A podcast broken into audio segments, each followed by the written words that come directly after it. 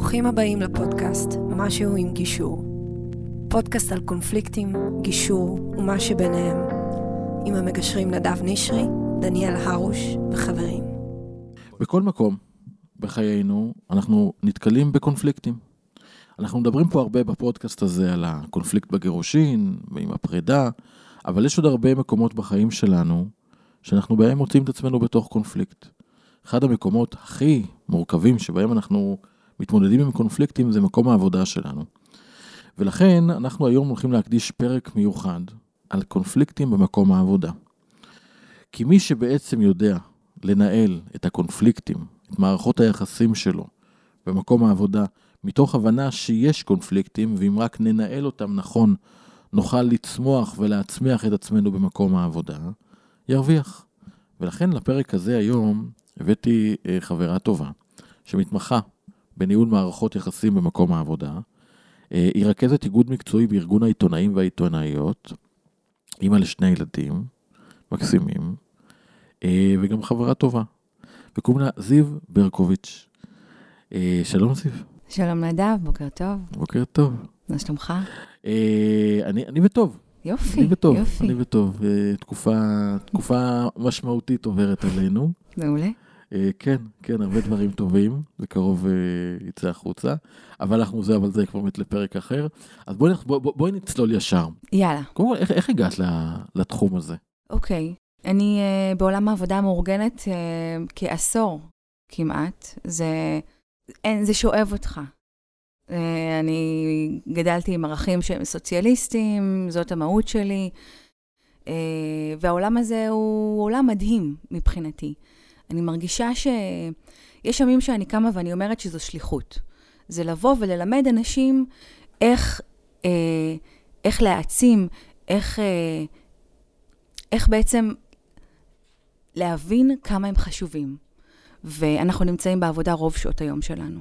זה, זה, יש כאלה שאומרים שזה הבית שלהם, זאת המשפחה שלהם. זה, זה, זה בעצם החיים שלנו. ועם כמה שזה עצוב, זה יכול להיות גם מקום באמת נפלא ומפרה ומחיה. וכאן אני נכנסת, במקום הזה של המערכת אה, איזון ובלמים, עובד מול מעביד. עובדים צריכים להגיד. להבין שיש להם מקום, שיש אה, להם קול, שאפשר לשמוע אותם, שיש להם כוח. ומקום העבודה בעצם, הבסיס שלו זה העובדים. וברגע שהם מבינים את זה ומתכנסים לתוך הדבר הזה שאומר, יש לי פה מקום לדרוש מה אני רוצה ומה אני צריך. וזה מדהים לראות את השינוי הזה. מה זה אומר השינוי הזה? זה להפוך בן אדם מאינדיבידואל, מ"אני קם והולך לעבודה", ל"אני קם ואני חלק ממשהו". אני קם ומקום העבודה שלי זה אוסף של עמיתים, של חברים, שבאים ואומרים, זה מה שאנחנו צריכים, זה מה שאנחנו רוצים, זה, זה מה שמגיע לנו. זה מאוד סותר את התפיסה היום המאוד uh, של האינדיבידואל והעצמאות והייחוד של כל אחד. את פתאום הופכת אותנו לאיזשהו קולקטיב. נכון מאוד. למה? נכון. כי יש, מה, יש כוח בקולקטיב הזה. יש כוח, ואני... הלוואי ויותר ויותר אנשים יבינו שהביחד זה, זה כוח מאוד גדול. זה בסדר לחשוב על האינדיבידואל ועל, המה, ועל הצרכים שלי, אבל כשאתה מאגד אנשים, כשהם הופכים להיות פתאום קבוצה, אז לקבוצה הזאת יש כוח. לא סתם אנחנו עכשיו בוחרים קבוצות רכישה, קבוצות זה, טיול מאורגן, טיול... הקבוצה הזאת, הביחד הזה, יש לו, יש לו הרבה כוח. זאת אומרת, בעצם את אומרת, אם אני נמצא במקום העבודה ואני לבד מול המעסיק, אני יותר חלש מאשר יש לי קבוצה שמדברת מול המעסיק בעצם. בדיוק. זה הפשטות. בדיוק ככה. איך עושים את זה? הרי בתוך הקבוצה יש כל כך הרבה אינטרסים. הוא, שהוא, אנחנו באותה קבוצה, אבל הוא המנהל שלי, או שהוא כפוף לי, או שהוא מקביל לי ואנחנו שנינו מתחרים על אותו מקום עבודה, או שבכלל הוא לא נחמד אליי, הוא דיבר אליי לא יפה, הוא גם לא הזמין אותי לבר מצווה של הבן שלו. איך אני מתמודד עם כל הקונפליקטים האלה, ועוד צריך לאגד אותם כדי למטרה משותפת של העלאת שכר או תנאים יותר טובים? יפה מאוד. דווקא המשפט האחרון שלך הוא זה שבעצם אה, תמצית כל העניין. האנשים אמ, האלה צריכים להבין שיש להם בסופו של דבר מטרה משותפת. לכולם יש אה, צרכים בסיסיים שהם די דומים. כשאתה מלמד אנשים שהצרכים שלהם הם דומים, כשהבסיס שעליו הם אה, רוצים להיות, אה, הבסיס שממנו הם רוצים לצמוח, הוא בעצם דומה. הם חושבים בעצם על אותם דברים, יש להם אותן חלומות, אותם, אותם רצונות. אתה יוצר מחנה משותף רחב. והצעד הראשון באמת בכל התאגדות, מעבר לה, להסביר כמה הדבר הזה הוא גדול וחשוב וכמה הכוח הזה הוא משמעותי, זה לה, להסביר לעובדים כמה בעצם הם, יש להם איזו שותפות גורל, או, או כמה הם דומים בסופו של דבר. רגע, זה כולם קצת... רוצים את אה, אותם הדברים. את קצת לוקחת לי פה מעולם הגישור פה, אנחנו פתאום אה, מתחילים דומה. לגעת לכאן. נכון מאוד, מאוד מאוד דומה. מאוד דומה. מה שאתה קורא, מה שאתה מבקש מעובדים, מעובדים, ממגושרים שלך, לבוא ולספר לך מה הם צריכים, מה, איך נראה היום-יום שלהם, איך נראים החיים שלהם, מה הם היו רוצים. מה הם היו רוצים. בדיוק. אז זה מה שאני באה ואומרת לעובדים. מה הייתם רוצים? איך נראה היום-יום שלכם? מה מיפוי הצרכים שלכם? זה, זה, זה בעצם אותו דבר, רק אבל התהליך זה הוא... לעשות את זה עם הרבה מאוד אנשים, זה לא, אני יושב בחדר עם שניים, את מדברת פה על מול קבוצה של אולי עשרות אנשים, שלכל אחד יש את ה... נכון שבבסיס כולנו צריכים אוכל ומים ולישון, ו... והבסיס של פירמידת הצרכים של מאסלו. מהמם. אבל לכל אחד זה יוצא בצורה אחרת. איך עושים את זה בצורה של לעבור על כל המיפוי הצרכים של כולם, ולחפש ולזקק את המיוחד, את הייחוד שבהם ואת המשותף שבהם. קודם כל, זה- זה באמת תהליך מאוד מאוד ארוך. שכשאנחנו, כשאני מאגדת מקום עבודה, יש תמיד קבוצת עובדים שהם נקראים ועד העובדים, שמייצגים את הכלל. הם, זה בדרך כלל קבוצה שהיא מדגם מייצג אה, מכל, אה, מכל הכלל, שיודעים לספר לנו טוב מאוד מה קורה במקום העבודה, לטוב ולרע. ועם הקבוצה הזאת הקטנה אנחנו יושבים. עכשיו, מדי פעם אנחנו מוציאים את הדיון הזה החוצה לכלל העובדים. חשוב לנו שידעו על מה מדובר, חשוב לנו שיבינו שמה שקורה מייצג אותם. אז התהליך הזה הוא מאוד מאוד ארוך. מאוד ארוך. זה לחשוב מה הצרכים. בסופו של דבר, התפקיד שלנו זה גם קצת לאזן אותם. להגיד להם, אוקיי, אלה הצרכים שלכם, אבל גם יש קצת גבולות למה שאפשר לבקש. אז בואו נאגד את זה לכדי משהו שהוא הגיוני, רציונלי, שיכול להיכנס בסופו של דבר לתוך הסכם. יודעת, אז מי זה אנחנו פה? את, יש, יש את הוועד, נכון. ויש ויש את הארגון. הארגון. נכון. הארגון הוא בעצם זה שמלווה את התהליך הזה. אני מטעם הארגון מלווה את העובדים האלה. עכשיו, צריך בעצם להבין. יש בכל גוף תקשורת, יש לו שם את העיתונאים שלו, ואז נכון, הם... ואנחנו מאגדים את כולם. הבנתי, ואז בדיוק. לערוץ 13, 12, קשת, התאגיד, רשת, ערוץ התאגיד. כנסת, קבוצת ידיעות, הארץ, הבנתי. ynet. כל הגופים האלה, בעצם אה, מאוגדים תחת ארגון העיתונאים. זאת אומרת, יש להם אה. פה, יש להם ייצוג, יש להם גב. הם חלק ממשהו. אז כשאנחנו מלווים את התהליך הזה, אנחנו בעצם, קודם כל, הם לא לבד. הם לא לבד בזה. יש תמיד למי לפנות. וזה תהליך ארוך, והקשר הוא קשר, אה, הוא קשר כל כך עמוק, באמת. גם צורת העבודה שלי בעולם הזה היא מאוד מאוד רגשית. זה, זה חיים של אנשים. זה חיים. בואו, אנחנו מדברים פה על חיים. מדברים פה על בן אדם שקם בבוקר, שהולך לעבודה. שצריך בתחום להבין. שהוא ב- בהתנהלות כלכלית שמאוד קשה להם להתפרנס, ממש, חוסר יציבות כלכלית. אינטנסיבי, לחצים, השפעות. ומה הוא מחפש. בסופו של דבר? מה הוא מחפש העיתונאי? ביטחון. ביטחון. ביטחון זה משהו שחסר להרבה מאוד אנשים. נכון. אני בטוחה שגם אצלך בחדר הגישור, הדבר הראשון שאתה צריך לנסוך זה הביטחון. נכון. ואיך את אנשים עושה באים את זה? אליך מבולבלים, אנשים באים באמת ברגע מאוד, מאוד קשה בחיים שלהם. אז גם אני, אני מקבלת אותם, בדרך כלל התאגדות נוצרת בין איזשהו משבר, או משהו לא, לא טוב שקרה. אה, יש גם התאגדויות שנוצרות ככה כי, כי צריך, כי אנחנו חזקים, כי אנחנו מבינים שזה צריך. אבל מתי באמת צריכים את זה? כשיש איזשהו משבר. ואז העובדים מבינים שהם בבעיה. אנחנו צריכים כוח. הביטחון הזה, הלהגיד להם, אתם לא לבד, יש פתרון. וגם, זאת לא באמת מלחמה, זה משא ומתן. אה, לא צריך להילחם פה, זה מאבק. אז איך באמת באים פה מול המעסיק? שהוא בתחרות מאוד קשה. נכון. אה, במקרה הזה פה גוגל והפרסום ופייסבוק, ברור שכל עולם התקשורת הרי הלך למקום מאוד שונה ממה שהיה לנו כש, שצמחנו וחשבנו שתקשורת, היום התקשורת היא לא, היא לא מה יש לו שחשבנו. אינטרס של מעסיק. יש לו אינטרס. אינטרס של מעסיק הוא קודם כל רווח, אוקיי. הצלחה, נתונים טובים. לא בהכרח רואה לפעמים את העובד הבודד. אז הפער הזה בין עובד שמבקש שיראו אותו למעסיק שמבקש תוצרת, פה אנחנו נכנסים, זה איזשהו רווח של להזכיר ל, ל, למעביד פה, למעסיק, מעביד זה נורא נורא, מילה נוראית, למעסיק, למנהל, שיש פה עובד, שצריך שיראו אותו. ולהזכיר לעובד שיש פה מקום עבודה שגם לו לא יש צרכים. כשאנחנו יושבים בחדר משא ומתן, אנחנו מגשרים על הפער הזה בעצם. הפער בין מנהל שצריך לראות מי עומד מולו, ועובד שצריך לראות שגם למקום העבודה יש צורך. וזה מערכת איזון ובלמים. תני לי איזה סיפור כזה, על מקרה כזה ש... שעשית, אם את יכולה לשתף. אמ, הכל שם מאוד מאוד תיאורטי שכזה, ומאוד יפה, אבל בפרקטיקה יש פה מאבקים, נכון. ויש שביתות, ויש אינטרסים סותרים, ו- ו- ויש אבטלה סמויה, אני יכול להגיד את כל הנתונים נכון. מהצד השני גם הדבר כן. הדבר הכי חזק שאנחנו אה, משיגים בעצם, אחד ההישגים הכי גדולים, זה לאו דווקא, דווקא ספציפי, זה מאוד רוחבי. אה, זה בעצם, בעצם המילים ביטחון תעסוקתי. זאת אומרת, ברגע שהעובד מבין שיש לו את ההזדמנות לקבל את זה, אז זה, זה משהו מאוד גדול עבורו. ואחד הסעיפים היותר משמעותיים בהסכם, בהסכמים קיבוציים שאנחנו חותמים עליהם, או בכלל היום, זה מנגנון הפיטורים. בכל מקום היום יש אה, אה, התראה לפני פיטורים, אתה מקבל חודש, אחרי חודש אתה הולך הביתה.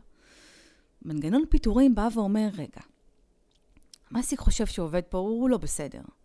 הוא לא עובד טוב, אולי יש פה איזושהי אי-התאמה. יש פה הזדמנות אה, אה, אולי לשפר את הדברים. בהסכמים שלנו העובד בעצם נהנה במרכאות ממנגנון פיטורים. גם המעסיק, דרך אגב, נהנה. זה ווין ווין לשני הצדדים, ואני אסביר למה. במקום שעובד ילך הביתה אחרי חודש, בחודש הזה הוא ממורמר, הוא סובל, הוא בטח לא יעבוד כמו שצריך. אנחנו נותנים לו את ההזדמנות, לו וגם למעסיק, לשני הצדדים, את ההזדמנות לראות, אולי אפשר לשנות פה את פני הדברים. אז בהתחלה מתקיימת שיחה עם העובד, והמעסיק מסביר לו שהוא לא מרוצים ממנו, שהוא עשה כמה טעויות. בוא, בוא נצא לדרך של שיפור. ואז יש תקופת שיפור של שלושה חודשים, שבה העובד יודע שהוא נמצא בתקופת שיפור, הזדמנות להוכיח את עצמו. גם המעסיק יודע שיש פה תקופת שיפור שבה הוא צריך לבחון את הדברים, אבל בלב שלם ובנפש חפצה, באמת לבחון.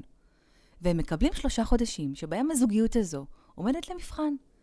בשלושה חודשים האלה,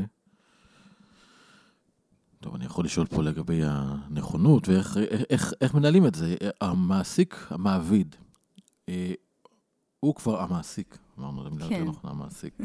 אה, הוא, די, הוא החליט, אני, אני לא רוצה את העובד הזה, אני כבר עושה שימוע, יש פה בעצם בחוק. נכון. יש פה חובת שימוע. נכון. ואת אומרת, אה, עשינו פה שימוע, ועכשיו... עשינו פה שיחה. עשינו שיחה, לא עשינו שימוע. עכשיו העובד, העובד צריך להחליט. יש פה, יש את... והבחירה הוא... היא של העובד או של, המעס... או של המעסיק? ברגע שנחתם הסכם, ברגע שזה קבוע, אין פה... זה, זה, זה התהליך. אנחנו יוצאים לדרך עכשיו. עכשיו צריך להבין, העובד בנקודה הזו, כשהוא חושב שהוא הולך לאבד את העבודה שלו, משהו כן משתנה. Mm. משהו, משהו קורה שם. יפה. משהו קורה שם. ואז כמו החיבור שלנו בחדר הגישור, שיש משבר, ופה עכשיו אפשר להשתמש בו בדיוק. לצמיחה או לוויתור. מה אני עושה כדי לשמור על זה? יפה. מה אני עושה, מה אני עושה כדי, כדי להוציא את מעצמי משהו טוב יותר? מה אני עושה כדי לוותר? את יודעת, פה זה, גם נהיה פה מעניין, כי יש בדיני העבודה, אה, את המשפטן שידבר, יש הרי את הדברים הקוגנטיים. נכון. שזה בעצם חוק קוגנטי, זה חוק שאי אפשר להתנות עליו. זאת אומרת, לא משנה מה יהיה בהסכם שלכם, או בכל הסכמה בין עובד ומעסיק, שכר מינימום חייב להיות. זה קוגנטי. לא יכול להיות מצב שישולם פחות משכר מינימום, גם אם העובד הסכים לזה, נכון. הוא יכול אחרי זה לתבוע את זה והוא יקבל את הכסף. זה לעומת דיני משפחה, ששם יש מעט מאוד דברים אה, קוגנטיים, הרוב המוחלט זה דיספוזיטיבי. דיספוזיטיבי זה אומר, יכול להיות ככה, יכול להיות אחרת, כל מקרה לגופו, אנחנו לא יודעים בעצם. לכן עדיפה ההסכמה המשותפת בין הצדדים, ולא שישאירו את זה ב- בידיים של שופט. אבל פה, אני יכול להגיד, אבל הנה, למה לכם פה עכשיו להתעסק במערכות יחסים, ובהידברות, ועוד uh, תהליכים כאלה? יש פה, סליחה, יש פה תהליך של שימוע, יש פה איזה, זה בחוק. חייב להיות פה שימוע, אי אפשר לפטר מישהו. אתה עושה עבודה טובה, לא יפטרו אותך. אתה, אתה עושה עבודה טובה, אה, אתה, אתה עושה עבודה לא טובה, יפטרו אותך, ייתנו לך הזדמנות לדבר. יאללה, שלום. ופה זה נכנס לכוח של הקבוצה, ואני יכול להבין את הערך אה, שלה, שלה לחזק את המקום של העובד בתוך הארגון, אבל אני מנסה להבין איך את עושה את זה. איך לוקחים את הקבוצה הזאת, כי אנחנו פה מדברים על מערכות יחסים, ואיך לוקחים את הקבוצה הזו ומגבשים אותה. איך לוקחים קבוצה דת, וזה, וזה דת, ואם הפטנטים האלה פה יעבדו, אז אולי נוכל לקחת את זה גם, את זה גם כן לעוד מקומות, כי אנחנו חייבים פה בחברה שסועה לחלוטין ומפולגת ומפורקת, ואולי אפשר לקחת את הכלים האלה, כן, כדי שוב לבנות את החברה הפחות מקוטבת הזו. וזה מעניין מה, איך את עושה את זה. זה מעניין שאתה שואל את זה, כי אני עושה את זה כל כך הרבה זמן, שפתאום אני באמת ככה אומרת, וואו, איך אני עושה את זה? אז זה תהליך לימודי מאוד ארוך. זה להכניס אנשים לעולם שלי ולהיכנס לעולם שלהם. זה ליצור מערכת שהיא שותפות. קודם כל, בין העובדים לארגון, בין העובדים אליי, באופן אישי, כמי שמלווה אותם, כמי שמייצגת אותם. זאת אומרת, החיבור קודם כל מתחיל על בסיס אישי. לגמרי. לא על אינטרסים אני, כלכליים. אני, אני באמת מאמינה בזה. איזשהו חיבור אישי, אנושי, כן, שהמחבר. החיבור, בהחלט. זה לתת להם את המקום. ברגע שאתה נותן לבן אדם, לעובד, מקום, ואומר לו, אני אעזור לך, יש לך כוח. בוא, בוא נמנף את הכוח הזה. אז הוא לומד. תחשוב על העובד הפשוט. זה כבר לא חיבור אישי, זה כבר קצת אה, אולי הבטחות. אני, תשאר איתי, תקבל ככה, תקבל ככה. יכול לבוא מישהו אחר להגיד לו, תשאר איתי, תקבל יותר, תקבל... זאת אומרת, זה, זה כבר איזושהי משיכת חבל על בסיס ה... זה, זה קצת, קצת יותר רגשי. מורכב, זה יותר מורכב מזה, כי זה עולם שאין בו, בו משיכות חבל, זה עולם שהוא, ש, שברור שצריך להיות מאוד מאוד מקצועי כדי לעשות את זה. ברור שזאת עבודה שדורשת מקצועיות שיא, כי זה באמת להיכנס לתוך החיים של הבן אדם ולהגיד לו את השינוי הזה. ממש באים אליהם הביתה ולמשפחות. או... זה לא כדי לשכנע, אתה מתכוון? כן. זה קל מאוד לשכנע עובדים אה, ש... שהם, צריכים, אה, שהם צריכים להתאגד. זה קל מאוד לשכנע אותם, קשה מאוד להגיע למצב שבו מתאגדים. עובד מבין מהר מאוד ש... מה שהוא צריך במקום העבודה שלו, זה שיהיה לו את הכוח לעמוד מול, ה... מול המעסיק. זה, כל עובד היה רוצה את הכוח הזה. הוא מבין, יכול להיות שיש עובדים שאומרים, אה, אני יכול לבד, אני יכול לבד. ברגע שהם מבינים שיש פה הזדמנות למשהו מייצג יותר, הם מבינים את הכוח של הקבוצה. עכשיו, איך באים לעובד ונגיד אומרים לו, בוא תוביל את זה? שאלה העובדים הבולטים, שהם על הכתפיים שלהם נושאים את הכל, שזה ועד העובדים. שזו קבוצת עובדים שבעצם מובילה את כל העניין הזה. ופה העבודה הקשה, להפוך קבוצת עובדים לוועד. כמה אנשים יש בוועד? זה תלוי, זה מאוד uh, תלוי בגודל uh, כלי התקשורת, בין uh, חמישה לשנים עשר, יכול להיות. שהם צריכים לא להיות הרבה. מאוד מאוד מגובשים, זה, זה הרבה. מאוד מגובשים, זה המון, זה גם אנשים שמייצגים מאחוריהם סקטור שלם, אם זה כתבים, אם זה עובדי דיגיטל, אם זה עורכים, אם זה צלמים, אם זה אה, אה, הכספים, השיווק, המחקר, זה, כל אלה זה סקטורים שלמים שמאחוריהם עומד בן אדם אחד שאומר, אני מייצג אתכם. זה גם לחנך, זה עניין של חינוך של אנשים. להסביר להם, להכניס אותם לעולם העבודה המאורגנת. גם צריך להיות סוג מסוים מאוד של אנשים שבאים ואומרים, אני מוכן להילחם על זה. אני מוכן לשים את עצמי על הדבר הזה, בשביל הצדק, בשביל השוויון, בשביל הערכים האלה שאני מאמין בהם. ואלה בעצם האנשים שמובילים את הדבר הזה. אז זה תהליך לימודי שכולנו עוברים כקבוצה. קשה מאוד, מאוד קשה, הרבה חיכוכים, אבל התפקיד שלי זה גם לזרום, לזרום איתם. גם לפעמים זה נראה לי מופרך. לפעמים כמו ילד, הוא צריך להבין שזורמים איתו. הוא צריך להבין שיש פה... מה זה אומר לזרום איתו? גם אם uh, קו מסוים או הצעה מסוימת נראית לי באמת מופרכת לחלוטין, אני אומרת, אוקיי, בוא ננסה. יפה. בוא ננסה. למרות שאני כאשת מקצוע מבינה לאיזה כיוונים זה יכול ללכת. לפעמים אני מופתעת. זה מהלך גישורי. לפעמים אני מופתעת, אבל אני אומרת, בוא נלך על זה. ותמיד בתחושה של, עם מה שיבוא, אנחנו נדע להתמודד. גם אם יהיו טעויות, נדע להתמודד איתן. זה מזכיר לי בחדר הגישור, זה שני דברים. אחד זה משפט שאני מאוד מאמין בו, כשאני מלמד, אני אומר אותו כל הזמן. גדולה היא חוכמת הדרך מזו של הפוסעים בה. הופה, אני יכולה להשתמש בזה? שכחי. תודה. זה לא שלי, זה, זה בכלל, זה, זה הרבה מקומות לקחתי את זה, אבל זה בא בהרבה זוויות. אבל הולכים בדרך, הדרך יודעת את הדרך, פשוט צריך ללכת בתוכה. דבר שני שאני מאוד אוהב להשתמש בו, זה ב-Don't shoot the messenger. עכשיו, למה? פעם, כשהיו מעבירים מסרים בין ממלכות, אם, הש... אם המסר היה שלילי, היו הורגים את השליח. ואז היו, אנשים מבינים שעדיף לא להיות שליח. איכשהו בתקופתנו, אז זה מתחבר לעיתונאים ועיתונאיות, שמדווחים כל הזמן, אז הופכים אותם מי שמדווח הוא, הוא, הוא הנציג. מי שמדווח חדשות רעות, חוטף. אז אני אומר, Don't be the messenger. אם אני יכול שמי, שמישהו אחר יעביר את המסר, בדרך כלל זו המציאות שאומרת, אם אנחנו הולכים באיזושהי דרך, ואז מגיעה המציאות ומראה לנו שזה לא עובד. אוקיי, זה לא עובד, אז המציאות אומרת את זה, לא אני.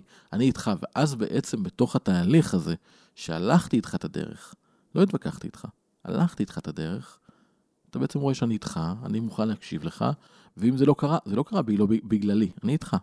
זה לא קרה בגלל, בגלל המציאות, כי משהו אחר לא, לא, לא, לא התאפשר. ואז באמת זה המשחק הזה של איפה אנחנו כבעלי מקצוע, שיודעים, בגירושין יגידו לי אה, זוג שאנחנו אה, רוצים לגור שלוש שעות אחד מהשני. אני יכול, את, אני, את, אתם ההורים, אתם תסכימו, אבל אני אגיד לכם, תשמעו, יש פה בעיה גדולה.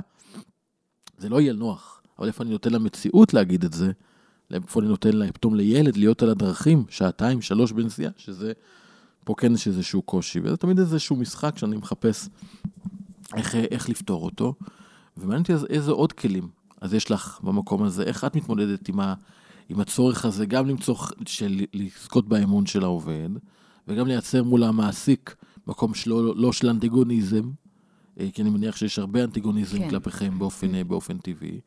ואיך את יכולה לבנות מערכת יחסים כזו, כי בכלל כי את גוף, את גוף חיצוני.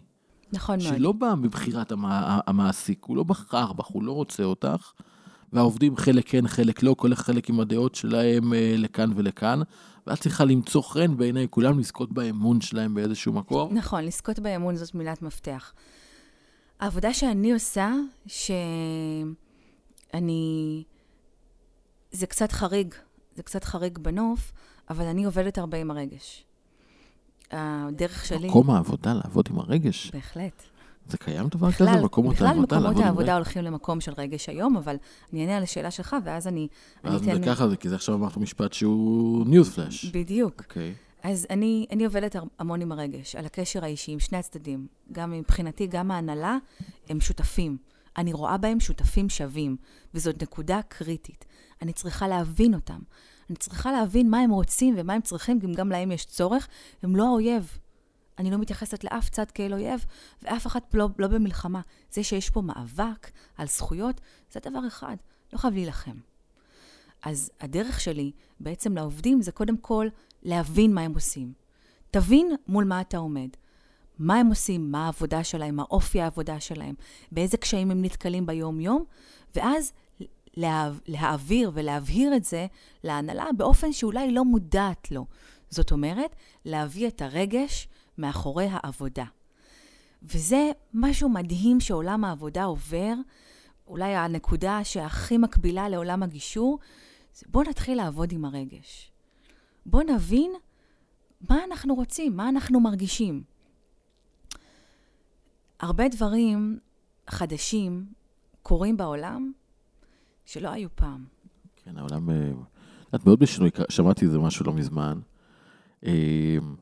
לא זוכר איפה, אז אני לתת את הקרדיט, על זה שהעולם הפך להיות, אה, כשהמדע נכנס, ובחרנו בשיטה המדעית של לעבוד רק על בסיס של נתונים ועובדות, והזנחנו את כל הגישה וכל התפיסה של הטבע, שמשהו שהוא לא, לא מדעי, אבל יש לו משמעות, אנרגיה, אני יודע להגיד את זה בחדר הגישור, ואני בן אדם מאוד אה, ריאליסט באיזשהו מקום, אבל פה אני רואה את זה, אני רואה את האנרגיה שיש בין אנשים.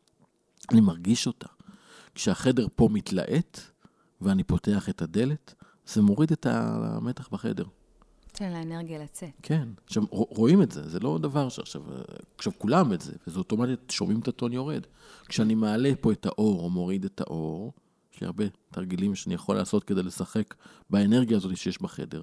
זה משהו שהוא, שהוא מאוד משפיע על מה שקורה פה בין בני האדם. וכשעושים את זה, אז במקום העבודה, פה אני מחפש, כי אני עושה את זה בחדר שהוא חדר אומני. הקליניקה שלי זה איפה שאנחנו נמצאים כרגע. הכל פה בדמותי, ואני בשליטה מלאה על כל מה שקורה כאן, לא משנה באיזה כיסא אני יושב, אני יודע לנהל פה את התהליך. את מגיעה למקום שהוא לא, לא המשרד שלך, אין לך שום שליטה שם על נכון. מה מוגש שם, אם זה עוגיות או בורקס. זה בא מבחוץ. זה בא מבחוץ עוד. נכון. ואת צריכה לדבר איתם על הרגש, נכון. שזה המחנה המשותף הנמוך ביותר, אבל אף אחד לא חושף אותו, כי אנחנו חושבים שזה חולשה היום, שזה בעיה גדולה. ואז איכשהו מצליחה לייצר איזה דיאלוג שהוא רגשי. שהוא רגשי. אני פשוט מתרגמת את הדברים לעולם הרגש. אם מעסיק רוצה אה, שעובד יתחיל לעבוד למשל בשתיים בצהריים עד 12 בלילה, זה לא פה, לא שם, אין לו את הבוקר, אין לו את ה... אז זאת, למשל, נגיד שמשמרת כזאת, אנחנו מבקשים מהמעסיק שייתן איזשהו פיצוי לעובד. למה שהוא ייתן פיצוי לעובד? זאת משמרת, זאת עבודה, מה אכפת לי אם הוא מתחיל בשתיים על זה? מה המשמעות של זה? מה המשמעות של עובד שהוא מתחיל לעבוד בשתיים בצהריים? נכון, מבחינת המעסיק, הוא ישן עד מאוחר, היה לו בוקר בשקט, היה לו בוקר בכיף. מבחינת העובד, מה זה אומר? שהוא לא רואה את הילדים שלו, שהוא לא אוכל ארוחת ערב עם הילדים שלו, שהוא לא משכיב אותם לישון. שתאר לעצמך שזה קורה חמש פעמים בשבוע. ואבוי, מבחינת העובד זה אסון. זה נורא. מבחינת המע... המעסיק, העובד פה דפק שעות לילה, הוא אחרי 11 בלילה מקבל עוד שעות נוספות, משמרת טובה, בשקט, ערב, אף- אין הרבה אנשים על הראש שלו, זה לא כמו בבוקר, יש מלא תנועה. זה לא עובד ככה, הוא צריך להבין איך זה מתפרש אצל העובד. מבחינת העובד, הוא לא הוציא את הבן שלו מהגן. הוא לא ישב לאכול את ארוחת ערב. הוא לא השכיב אותו לישון, חמש פעמים בשבוע. זה אסון. ולכן, כשאני מבקשת מהמעביד, תן פה יותר כסף, מה אני אומרת? תראה את העובד. תגיד לו שראית אותו, שזה לא מובן מאליו, שהוא לא היה עם הילדים שלו. אותו דבר עבודה בשבת. אותו דבר עובד שיושב בבית והוא בכוננות. אז פיצוי, בסוף הפיצוי הוא פיצוי כספי, זאת אומרת, דרך רגש שבו, בוא תחמול עליי, בוא תראה אותי, אבל פיצוי הוא כספי בעצם. נכון, הפיצוי הוא, הוא, כספי, כי העובד צריך להרגיש שזה משתלם. שהאובדן שלו, עכשיו, אין לאובדן הזה מחיר, אבל אם היה לו, הוא צריך להרגיש שזה קצת משתלם לו. בסופו של דבר, הכל מסתכם בכסף. אנחנו במקום העבודה כדי להשתכר, כדי להרוויח כסף, כדי להגיד, ש... כדי להגיד שעבדנו, כדי להגיד ש... אה, שהיה, לנו... שהיה לנו שווה, כדי להגיד שפרנסנו את המשפחה. הכל מסתכם בסופו של דבר בכסף. זה מאוד מוזר לי שאת אומרת את זה. כן, מאוד קפיטליסטי, אבל אני צריכה לתרגם את זה לרגש. בסופו של דבר מדובר פה בכסף. המעסיק צריך להכניס יד עמוק עמוק לכיס ולהוציא, ואני צריכה להסביר לו למה זה מה, יש. מספר? את חושבת שיש מספר שבו אנשים יהיו מרוצים? אין. אין. הסכם טוב זה הסכם ששני הצדדים לא מרוצים ממנו. יש מספר, אני מדבר, העובד שלא רואה את ילדיו, שלא יוצא, שמרגיש ממורמר בעבודה, יתקבל, יקבל תוספת של 10%, הוא יהיה מרוצה? זה חלק מהעניין, אבל אנחנו למשל נשים, אה, נשים למשל גבול לכמה פעמים בשבוע אפשר לקרוא לו. אה. לא חמש, לא להגזים. אוקיי, חמש זה כרגע הורג אותו. בואו נחשוב על מספר נמוך יותר. הבנתי. אז כסף זה אחד אחד האמצעים. מהדברים. בגלל זה לכל הסכם יש שני פרקים. יש פרק ארגוני, שאין שם כסף. ויש פרק כלכלי, מה זה שם אומר? הכסף. פרק ארגוני ופרק פרק כלכלי. ארגוני מכניס בפנים את הפיטורים, את אה, ההערכות של העובד, את המנגנון משמעת, למשל. אה, והפרק הכלכלי זה השכר, זה התנאים הסוציאליים, זה התוספות, זה ה... כמו שאנחנו עושים בהסכם שלום בית לחלופין גירושין. יש איך אנחנו מתנהלים ביחד, אנחנו מתגשים, לא, לא, לא, לא השוואה כל כך אה, בעצם מדויקת. אבל זה כן נכון שבהסכם שלכם יש הרבה דברים שהם פרק באמת פונים, פונים לחיי היום-יום, להתנהלות. זהו, זה הסכם הזוגיות שלנו, זה דומה. יש את אוקיי. הפרק של איך אנחנו מתנהלים באהבה, בזוגיות, בדיוק. בתקשורת, ויש את ההיבטים הכלכליים של איך אנחנו מתנהלים בהם. ואתה מפריד ביניהם, נכון? אני מפריד, אבל הם מחוברים בעצם, בגלל זה הם מוגשים בעצם ביחד. אוקיי. טוב, זיו, זה היה וואו. חתיכת אה, דבר מעניין. נכון. למדנו, למדתי. ממש. אה, אז תודה רבה. תודה אה, לך, תודה. שהבאת אותי. תודה שלימדת אותי שיש הרבה יותר דברים משותפים ממה שחשבתי בין הגישור לבין עולם העבודה. גישור זה הכל. גישור זה מערכת. יחסים וקונפליקטים זה הכל, זה המחנה המשותף הנמוך ביותר, ובשביל זה אנחנו כאן נחשוף את זה. ואני רוצה גם תודה, להגיד תודה למאזינים שמאזינים לנו. לך שהפודקאסט הזה, זה, הוא ממש נוגע, זה, זה מדהים, כי אני מקבל המון תגובות, והמון אנשים אומרים שמאזינים. אה, ואני רוצה לבקש שתמשיכו לשתף ולהעביר את זה לכל מי שרלוונטי עבורו. אה, אנחנו מבינים שככל שהשפה הגישורית תיכנס, אה, אנחנו פשוט נחיה בעולם הרבה יותר טוב. אבל צריך להעביר את זה הלאה, בעיקר אגב לדור הצעיר. זה אחת התובנות שלי, ואני כבר יכול להגיד שבהקלטה הבאה הולך להיות פה ילד מהמם, שהתגבר על, אה, על מחלה קשה, ו... והוא מספר איך הוא עשה את זה, ואז שם אני חושב היה, הייתה לי שיחה מקדימה איתו, ולהבין אה, כמה כוח יש בדור הצעיר, וכמה העתיד הולך להיות הרבה יותר טוב כשאנחנו נעביר להם את המושכות, אם ניתן להם גם את הכלים הגישוריים. אז, אה, ותודה רבה לשרון, שרון כנראה שפה אחראית על הכל, שיש פה, שאיש לא מבין מה היא עושה, אבל היא עושה את זה היטב, אה, ומצליחה שהכל פה יעבור. אה, לא איש מבין איך היא עושה, מה היא עושה אנחנו מבינים. תודה רבה, ונתראות בפרק הבא. וכמובן פייסבוק, לשתף, להגיד הכל מה שיש, לשלוח שאלות, הערות, כל מה שאנחנו נשמח לענות ולהגיב. להתראות.